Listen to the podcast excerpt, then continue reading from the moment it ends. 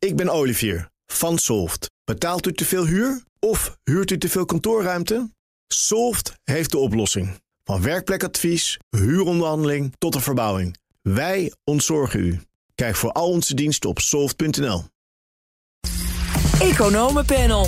Het Europees Parlement gaat door met het aanscherpen van klimaatwetten. En begin dit jaar bevond het vacatureniveau zich nog op recordhoogte. Nu lijkt het tijd te keren.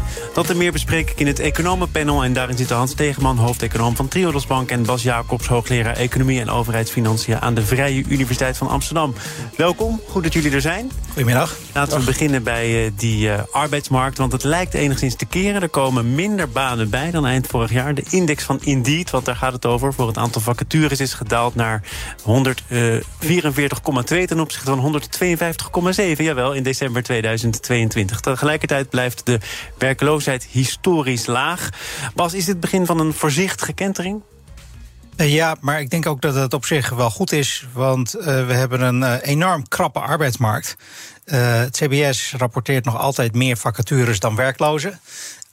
we voeren natuurlijk nu ook doelbewust beleid om de economie wat te laten afkoelen. We zien dat de centrale bank de rente met uh, een heel hoog tempo heeft verhoogd. Dat leidt tot een afkoeling van de arbeidsmarkt. Met name in de bouw zie je daardoor ook het aantal uh, openstaande vacatures uh, teruglopen. En ik denk dat dit wel goed is. We draaien boven potentiële productie. dit is een natuurlijke herstelcorrectie. Ja. Klaas Knot zei eind oktober wel, en dat was misschien een treffende vergelijking, dat de Nederlandse economie uh, kenmerk heeft van een hotel dat meer overnachtingen verkoopt dan het kamers heeft. Het ging over de bezettingsgraad. En toen zei hij ook nog: uh, er zijn mindere tijden om je baan te verliezen. Is dat laatste ook nog steeds waar? Nou, het, het verschilt wel per sector. Uh, maar in algemene zin blijft dat nog steeds wel het geval. Hè. Al die cijfers die ja, als je op zo'n krap niveau zit, dan is een verslechtering, denk ik, maar, oh, het, het, het, maar het blijft gewoon krap. Hè? Ook in de raming van het Centraal Planbureau voor dit en volgend jaar zit wel een kleine op, oploop van de werkloosheid. Maar nog steeds blijft die arbeidsmarkt in alle opzichten krap. Um, marktsector wel iets minder krap dan met name de collectieve sector. Want, want daar zie je wel een verschil. Dus hè, de zorg, onderwijs, uh, alles is daar super krap. Maar ja, nee, en het vooruitzicht is ook niet anders. Hè. Ook als je naar de, naar de komende tien jaar kijkt. De vergrijzing die zet door. Uh, er is geen enkele reden. Conjunctureel zal het fluctueren. Maar structureel blijft die arbeidsmarkt. Maar dat wilde ik wel vragen. Want zijn dat dan met name demografische ontwikkelingen... die ervoor zorgen dat die arbeidsmarkt de komende jaren krap zal blijven? Of is het ook vooral omdat de economie zo lekker zal blijven draaien?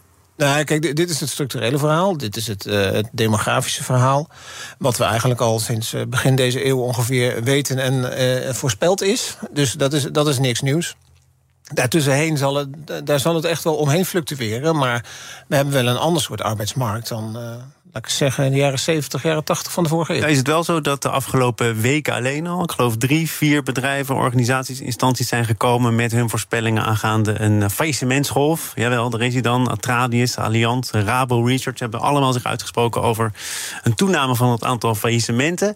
Um, Gaat dat ook echt gebeuren, Bas? Of blijft dat dan ook, toch weer bij de ook, die, ook dat zien we al een beetje in de uh, CBS-cijfers. Maar we hebben natuurlijk een aantal jaar daarvoor record uh, weinig faillissementen gehad. En dit is voor een deel, denk ik, noodzakelijke reolocatie in de economie. We hebben mede door de overheidssteunmaatregelen, die denk ik zeer goed hebben uitgepakt, wel een vertraging gehad een aantal jaar in de normale realocatie, zowel bij bedrijven als op de arbeidsmarkt. Daar zie je nu uh, uh, het natuurlijke proces weer op gang komen. Er zullen een aantal bedrijven zijn die het toch niet redt nu de COVID-steun wegloopt, nu de belastingen moeten worden terugbetaald. Zijn dat dan per definitie de zwakkere bedrijven en blijven dus de sterke broeders over? Of, of werkt dat niet zo eenvoudig? Ja, wat, noem, nou, noem je? Het is bijna definitie. Ik bedoel, als je niet sterk genoeg blijft, uh, bent, nee, niet winstgevend genoeg bent, dan zal je, zal je het niet redden. Tijdens die coronajaren werd natuurlijk gezegd: er zijn zombiebedrijven die in, in leven zijn gebleven, overeind zijn gehouden door die steun.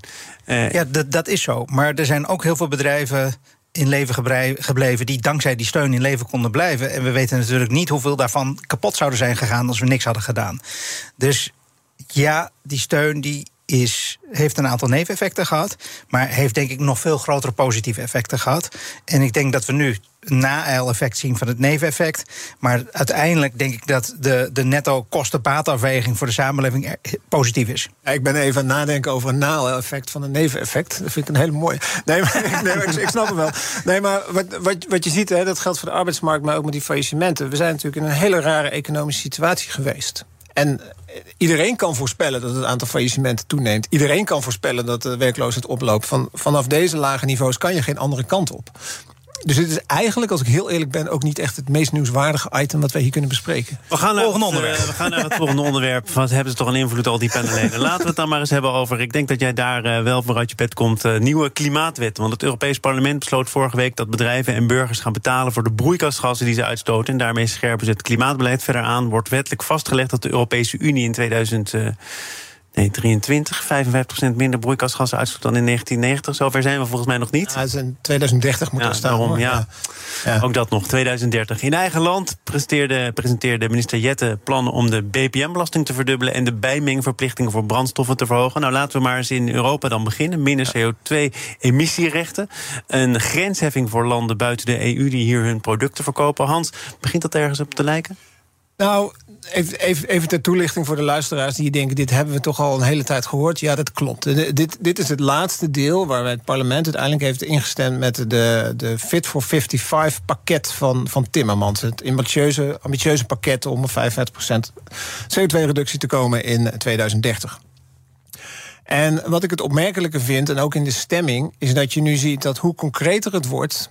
Uh, hoe spannender het wordt, hè, ook in het parlement. En dan zag je ook in de, in de stemming daar dat, extra, dat, dat links, maar ook rechts, aan de, de, de flanken zich zorgen maken over gaan de kiezers dit wel trekken. Of kunnen betalen. Of kunnen betalen, inderdaad. En hè, de, ook in Europa is daar een pot geld voor om dat te gaan regelen. Waarvan je kan afvragen, ja, hoort dat hier wel bij? Want volgens mij wil je hier klimaatdoelstellingen bereiken en geen inkomens. Een soort armoedefonds, energiearmoedefonds. Ja, um, en, maar wat, even, wat, wat ik echt goed nieuws vind, is dat dit in wetgeving is omgezet, omdat het wel laat zien dat Europa, in ieder geval het Europees Parlement, uh, koploper wil zijn uh, in de energietransitie. Ondanks uh, het verzet, de aarzeling, de twijfel ter linker en ter rechterzijde. Dus dan is de volgende vraag: komt er wat van terecht? Nou, en dat is het nieuws in Nederland. Nog heel even. en, en dat was natuurlijk het nieuws vorige week in Nederland: dat je al die aarzeling en twijfel uh, in de politiek ziet komen, wat, wat meteen wel. Um, ja, het, het, het hele lastige laat zien van uh, klimaatbeleid. Met, met lange termijn opbrengsten die voor de hele wereld zijn en niet voor een individu. Terwijl de lasten op korte termijn vaak voor mensen zijn. En die mensen zijn toevallig ook de kiezers. En dat is wel een dilemma wat ik vond vorige week eh, echt weer in, in alle toonaarden werd benoemd, maar er geen enkele oplossing kwam. Ondanks dat ik dus blij ben dat Europa hiermee heeft ingestemd. Nou, de oplossing uh, lijkt uh, te liggen op het terrein van normeren en beprijzen. En dat is hier in de, deze ruimte, zeker tijdens het economenpanel, meerdere keren al gezegd. Uiteindelijk gaan zaken ook geld kosten en red je het niet alleen maar met subsidiëren. Er is volgens mij ook een studiegroep aan het werk gezet, vooral om hier naar te kijken. Op welke manier moeten we dan normeren en beprijzen? Of kan het echt anders dan zo, denk jij, Bas? Nee, ik denk. het, is een, het, is, het is bijna een, een, een dogma voor economen geworden dat beprijzen verreweg de beste oplossing is om het milieu te redden. Om de schade in de marktprijzen te laten terugkomen. Dan gaan alle op nut beluste consumenten en op winstbeluste uh, producenten zich gedragen in het collectieve belang. En uh, economen zullen dit evangelie blijven verkondigen, hoewel het politiek heel moeilijk te verkopen is. Want wat we in de praktijk zien, is dat politici uh, uh, niet de stok gebruiken, maar de wortel. Heel veel subsidies uitdelen voor groene alternatieven in plaats van vervuiling een prijs te geven. En dat heeft Biden gedaan met zijn Inflation Reduction Act. Dat had ja. klimaat, klimaatbeleid. Ja. Uh, en, um, en, en dit is wat we in de hele wereld zien. En dit heeft ermee te maken dat het politiek niet goed verkoopbaar is. En dan zijn we toch weer terug bij de discussie in het Europese parlement. Om milieubeleid te voeren. Uh, uh, wat de vervuiler laat betalen. En tegelijkertijd ook de mensen met de kleinste portemonnee te compenseren. Want dat wil iedereen. Er is uh, om draagvlak te behouden, wil je natuurlijk dat de compensatiemechanismen uh, in werking wo worden gezet via de belastingen, via inkomensondersteuning. Maar nu het frappante, dat hadden we bijvoorbeeld in Nederland ook bedacht met het stikstoffonds. 24 of 25 miljard compensatie voor boeren die uh, hun veestapel afbouwen of een bedrijf zouden moeten sluiten. En dat wordt niet gepikt. Het feit dat je het wil, is politiek dus blijkbaar heel erg ingewikkeld. En dit is, dit is wel een ingewikkelde. Als we het überhaupt niet eens kunnen worden over het geven van. Uh, uh, een prijs aan vervuiling of het inzetten van beleid, dan kom je ook niet eens meer toe aan de compensatievraag. En, en daar ben ik, je zou kunnen zeggen, het meest op dit moment pessimistisch over. Ik denk Hans ook. Ja, nou, en dat is wat je, wat je zag ook in Nederland. Dank, dank voor het voorzetje. Um, over, over het meest concrete was het als het gaat over, uh, over vervoersbeleid. Dat is altijd het meest concrete. Uh, gaan we BPM op diesel verhogen?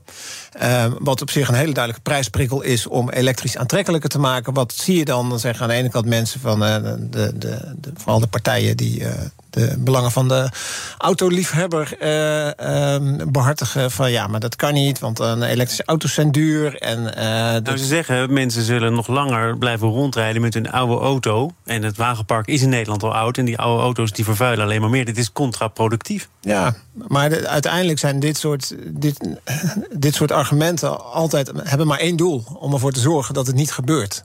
Terwijl het een hele effectief. Je kan het ook anders vormgeven. Je kan ook zorgen dat oudere dieselauto's meer gaan betalen. Er zijn allerlei beprijzingsmechanismen te verzinnen, waardoor je hetzelfde. Maar het probleem is dat de politiek daar niet aan wil. Dat je die discussie bijna niet kan voeren. Maar dat is dus wat Bas dan uh, signaleert. Het wordt bijna dogmatisch. Economen zullen hierop blijven hameren. Politiek is niet te verkopen.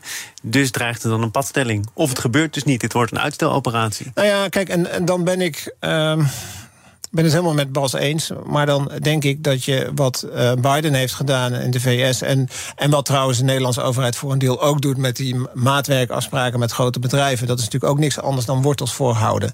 En als je zegt van oké, linksom of rechtsom, we zullen de CO2-uitstoot moeten beperken dan heb ik nog liever slecht beleid dan helemaal geen beleid. Als ik dan toch moet kiezen. Maar slecht beleid is die wortel voorhouden, omdat het niet. Ja, het is niet efficiënt. Het, het, het, maar hopelijk is het uiteindelijk effectief. Maar het kost dan veel te veel geld. Maar het is dan beter dan niks. als Jette dan, zegt, ik, als Jette dan zegt, ik verhoog de BPM, hè, dat is goed voor de schatkist... en daarmee kan ik uiteindelijk eh, elektrisch rijden subsidiëren. Ja. Is dat dan hoe het wel zou moeten werken? Ja, en dan mag hij van mij ook nog zeggen... En ondertussen doen we misschien een niet-efficiënte subsidie op, uh, op, elektrische... Altijd, ik bedoel, dat er voor een deel niet efficiënt beleid wordt gevoerd... dat, dat kan ik best wel billiken... als je wel die discussie over beprijzen blijft voeren. Het is gewoon heel lastig. Nou, je, je kunt het al uittekenen. Hè. De VVD zegt uh, burgertje pesten, automobilistje pesten. Het klimaatbeleid lijkt als doel op zich te hebben om mensen pijn te doen. Dat is dus ook onder. Ja? Ja, natuurlijk is dat niet zo. Het is niet, niet het doel om. Uh, het doel is uh, om de opwarming van de aarde tegen te gaan. Of om te zorgen dat het stikstofprobleem wordt opgelost. Dat de economie niet helemaal vastloopt in regels. Uh, dat er te weinig stikstofrechten zijn. of mogelijkheden om te kunnen bouwen, bijvoorbeeld. Ehm, de het doel is om te zorgen dat we een leefbaar land hebben en kunnen, economisch kunnen functioneren. Het doel is niet om mensen te pesten. Nee, maar ik, ik ben het helemaal mee eens. Maar ik ben een beetje bang dat. De, de kiezer maakt geen onderscheid tussen het publiek goed en het privaat goed. Dus de private pijn, die voelt hij, want hij moet betalen. Terwijl het verbeteren van het publiek goed, of het nou gaat stikstofvermindering of verbetering van natuur, vermindering CO2-uitstoot, dat neemt die kiezer niet als zijn persoonlijke baten, want het is een publieke baten. En en daar ga je minder voor stemmen. Dat blijkt in de praktijk. En dat maakt het wel heel lastig. Ja, en stikstof is nog, nog een interessantere. Want dat is een lokaal extern effect. Dus daar hebben we direct in eigen land last van. CO2 is een mondiaal extern effect met een enorm internationaal freeriding probleem. Wat je toch lastig kan oplossen. Met het akkoord van Parijs hebben we een heel, hele stap gezet. Maar uh, het is daarom misschien ook wel paradoxaal dat het ons beter lukt om CO2-beleid te voeren dan om stikstofbeleid. Maar die, die grensheffing hè, die nu in Europa is afgesproken, is dat niet in de kern ook protectionistisch? Um, ja. Want, ja, nee, je, je, je, je, geeft je eigen industrie de ruimte om um, uh, minder CO2 uit te stoten, om daar, daarin te investeren en dus misschien wat, wat, wat duurder te zijn. Uh, omdat je die, die, die CO2 import uh, belast. Dus ja, dat zorgt ervoor dat je, dat je dat beter kan doen, ja. En dat lijkt me een heel goed idee. Hier, hier zit een uh, meningsverschil. Dat is misschien het eerste van dit panel.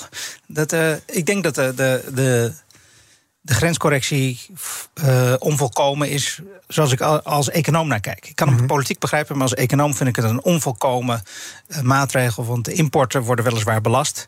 Dat zorgt voor een gelijk speelveld van Europese bedrijven en niet-Europese bedrijven in de Europese markt. Maar er is geen vrijstelling voor de export. Dus er is geen gelijk speelveld van Europese bedrijven en bedrijven in de rest van de wereld buiten Europa. Want die Europese bedrijven krijgen hier een heffing op CO2. Maar als ze exporteren naar de rest van de wereld, dan uh, hebben ze daarmee hogere kosten dan bedrijven in de rest van de wereld die dat niet doen. Dus economisch ja, is de ideale oplossing. Over nagedacht, ja. is, is, de, is de ideale oplossing importen belasten, exporten vrijstellen. Maar ik denk dat de politieke reden is waarom dit niet gebeurt, is dat Europa wil dat andere blokken in de wereld, andere landen hetzelfde gaan doen. En, maar goed, er zit dus wel een prijs die hier betaald wordt. Dat Europese bedrijfsleven heeft dus een minder gelijk speelveld vis-à-vis de rest van de wereld op de buitenlandse markt. En dat zal de concurrentiepositie in Europa schaden. We gaan uh, naar uh, Nederlandse aangelegenheden. De onderhandelingen over de voorjaarsnota lopen op zijn einde. De regeringspartijen moeten nog voor miljarden gaan versleutelen aan de oorspronkelijke plannen uit het coalitieakkoord. Het gaat in verschillende media over een gat tussen de 4 en de 6 miljard. En uh, de tekst die er dan bij horen is: de bodem van de schatkist is in zicht. Het voortdurende compenseren, dat moet een keertje afgelopen zijn. Er moet weer ordentelijk worden begroot. Bas, het moet jou als muziek in de oren klinken. Dat doet het voor een deel zeker. Uh, ik ben wat minder alarmistisch over die bodem van de schatkist. Uh, er zijn op dit moment uh, een hele hoop meevallers. Er zijn ook een aantal tegenvallers. De meevallers die zijn dat we heel veel meer belastinginkomsten krijgen de meevallers zijn dat er veel minder geld wordt uitgegeven dan gepland. Omdat we door die krappe arbeidsmarkt. Is ook een beetje personeel... een toch? Je bent als overheid van alles van plan en je krijgt het niet voor elkaar. ja, zo zou je het ook kunnen interpreteren. Maar in ieder geval vanuit de overheidsfinanciën gezien is dat een meevaller. Uh, wat uh, ook een meevaller is, zijn de kosten van de energieplafonds. Die blijken natuurlijk vanwege de heel sterk gedaalde uh, gasprijzen toch heel erg mee te vallen. Maar die, die waren nog niet gedekt, toch? Nee, maar, maar daar moest dus dekking voor gevonden, ja. gevonden worden. En dat is dus. bedoel, aanvankelijk dachten ze in de orde van 24 miljard. En het blijkt nu iets van 5 miljard te zijn. Dus dat, dat scheelt heel veel. We hebben tegenvallers. Die rente is sterk aan het oplopen. Uh, tegenvaller is dat onderliggend de overheidsfinanciën verslechteren. Tegenvaller is dat er uh, natuurlijk ook extra uitgaven worden gedaan. Denk aan uh, de 20 miljard naar Groningen. Ja, Groningen ja. Oh, ik ben nog een meevaller vergeten. Door de inflatie wordt die staatsschuld uh, opgegeten. Ja. En daar ga, daardoor zien die overheidsfinanciën, uh, zowel in tekort als in termen van, van schuld als fractie van het BBP, er, er nog best, best, best goed uit. Mijn grootste zorg zit hem in twee andere woorden die je ook in je inleiding uh, gebruikte, namelijk de ordelijkheid van de begrotingsprocessen. Die is eigenlijk sinds het begin van Rutte 4 ja, weg. En dat heeft voor een deel te maken met die begrotingsfondsen voor stikstof en voor klimaat. Uh, het heeft ook te maken met de vele besluitvormingsmomenten. En het heeft te maken met dat er eigenlijk niet meer nagedacht wordt over de doelmatigheid van beleid. Er is heel veel geld beschikbaar gemaakt, maar niet de bijbehorende plannen om het geld op een goede manier uit te geven. We gaan er toch weer wat uh, strikter naar kijken. Hè? En als je op je eigen ministerie in de problemen komt vanwege budgetoverschrijdingen, dan ga je het ook nog op je eigen ministerie opvangen. Is dat een begin? Dat is een begin, maar het is het, kijk, mijn grote probleem met het begrotingsbeleid wat we hebben gevoerd in 2010, 2017 was dat we totaal gefixeerd waren op de boekhouding. Nou, daar is met. Uh, vanaf 2017 zijn er in plaats van boekhouders kasteleins gekomen die heel veel bier hebben uitgedeeld. En wat we nu weer dreigen te doen, is weer terug te gaan naar de boekhouders. Wat nu zie ik weer allemaal lijstjes eh, circuleren in Den Haag met, met, met, met het ministerie van Financiën, die voor iedere begrotingspost heeft uitgerekend hoeveel het kost, hoeveel je erop kan bezuinigen enzovoort. Wat ik wil is dat er economisch wordt nagedacht. En het vervelende is dat dat gebeurt de hele tijd, maar niet. Ik wil dat er goed economisch beleid gevoerd wordt. En je kan heel veel goed beleid voeren, wat je geld oplevert, in plaats van kost. En uh, helaas gebeurt dat. Hans, wat wil jij? Wil je hier iets over zeggen? Nou, nee, kijk, ik, ik, ik ben het helemaal. Bas weet hier veel meer van en ik ben het er helemaal mee eens. Um, en ook die periode daarvoor, um, die heb ik ook meegemaakt. En mocht ik ook commentaar geven. Um, daar wil je niet naartoe terug. Waar ik dan wel naar op zoek ben. Um, ook, nou, misschien is het beter om die vraag aan Bas te zeggen, stellen van, van hoe kan je dat dan doen? Hè? Dus, dus je wil niet teruggaan naar die, naar die exacte begrotingsregels met, met, met lijstjes. Wat zit daar dan tussen? Tussen, tussen een carte blanche geven, zoals de afgelopen jaren gebeurd is, dat je, dat je alles kon doen. Um, is dat dan. Um, nou ja, wat is dat dan? Oké, als ik het als ik het heel zeg maar, plat sla en uh, zeg maar. Uh, economisch niet ideaal, maar misschien wel werkbaar doe, zou ik zeggen: streef naar een begrotingstekort voor structureel, wat is het, 1, 1,5 procent ongeveer. En maak een investeringsruimte binnen de begroting van 1 à 1,5 procent van het BBP, mhm. die je mag aanwenden, mits je doortimmerde plannen hebt. Dus mits een kostenbatenanalyse uitgevoerd door een onafhankelijke partij aantoont dat dat rendabel is maatschappelijk. een soort groen, groeifondsachtig iets. Ja, wel maar niet. Maar dan in de begroting. Niet tijdelijk geld, wel binnen de begroting, binnen de bestaande afspraken. Uh, binnen de begroting ook langetermijn financiering voor investeringen. Dus ieder jaar in beginsel weer, mits het rendabel is. En daar horen wat mij betreft ook klimaatinvesteringen onder. Als je zoveel uh,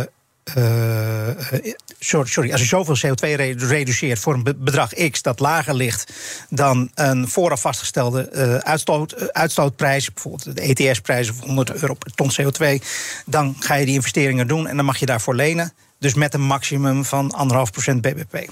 Dus dan blijf je altijd binnen de 3%. Je staatsschuld, als je nul investeert, convergeert bij die anderhalf procent tekort echt op die, die, die 60 procent van het BBP, of misschien net erboven of net daaronder. Dat, dat, dat hangt een beetje van de rente en de groeivoet af. Maar, maar dan zit je gewoon heel veilig. En dan maak je wel ruimte. En dan heb je alles ingebed in de standaard Waarom is dat tot slot, want we naderen het einde van dit panel. Dit klinkt misschien te platgeslagen, maar ook wel eenvoudig. Toch? Dit zijn, dit zijn stelregels die je kunt hanteren.